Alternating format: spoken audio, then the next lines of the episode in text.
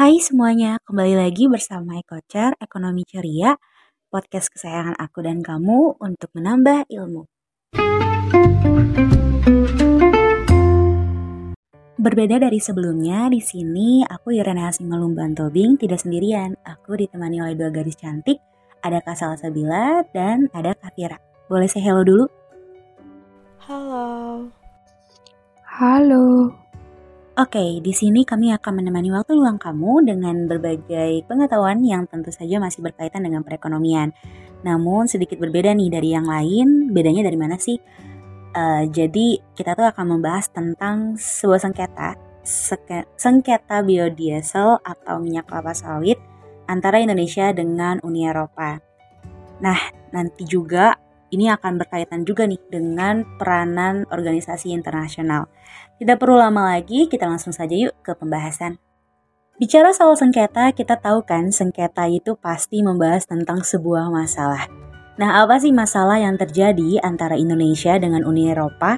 Mungkin boleh Kak Salsa bisa menceritakan masalah tersebut? Boleh Kak Iren, aku mau mencoba menceritakan mengenai masalah yang terjadi antara Indonesia dengan Uni Eropa. Jadi gini, kita tahu bahwa pertumbuhan industri minyak sawit di negara Indonesia dalam hal produksi biodiesel itu mengalami perkembangan. Nah, masalahnya itu berkaitan dengan produk ini yaitu Uni Eropa memberikan tuduhan dumping terhadap produk biodiesel milik Indonesia. Jadi gitu Kak Iren mengenai masalah yang terjadi antara Indonesia dengan Uni Eropa. Nah Kak, eh, mengapa sih Uni Eropa memberikan tuduhan tersebut ke Indonesia? Untuk masalah ini, Uni Eropa melakukan tuduhan dumping terhadap produk biodiesel Indonesia guna memproteksi produsen domestiknya dari tindakan dumping yang berpotensi memberikan kerugian. Uni Eropa menerapkan hambatan perdagangan berupa pengenaan bea masuk anti dumping atau yang disebut dengan BMAD. Makanya, sejak kejadian itu, ekspor biodiesel Indonesia menurun dan dari hal ini, Indonesia berusaha mencari penyelesaian masalah atas pengenaan BMAD oleh Uni Eropa terhadap produk biodiesel Indonesia dengan mengajukan sengketa biodiesel ini ke WTO. Begitu Kak Iren, mengapa Uni Eropa memberikan tuduhan tersebut ke Indonesia? Nah, e, sepertinya kita sudah tahu nih masalah antara Uni Eropa dengan Indonesia. Terus bagaimana cara mengatasi masalah tersebut? Mungkin boleh dari Kak Fira menyampaikannya. Iya, jadi Kak Salsa sudah menyampaikan bahwa Indonesia itu mengajukan masalah ini ke WTO. Di dalam WTO tersebut ada yang namanya DSP atau Dispute Settlement Body atau bahasa Indonesianya Badan Penyelesaian Sengketa yang membuat keputusan untuk menyelesaikan sengketa dagang. Terus kak, eh, bagaimana sih DCB atau WTO ini tuh dapat memberikan keputusannya?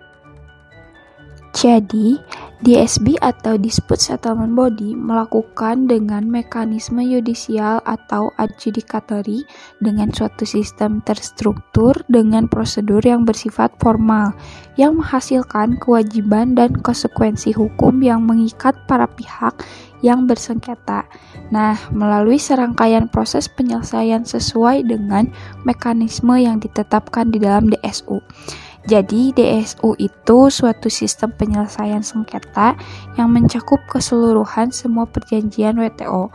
Dapat diketahui bahwa pada produk biodiesel Indonesia terbukti melanggar ketentuan-ketentuan di GATT maupun di Anti-Dumping Agreement, sehingga dari sini terbukti bahwa biodiesel Indonesia tidak melakukan dumping.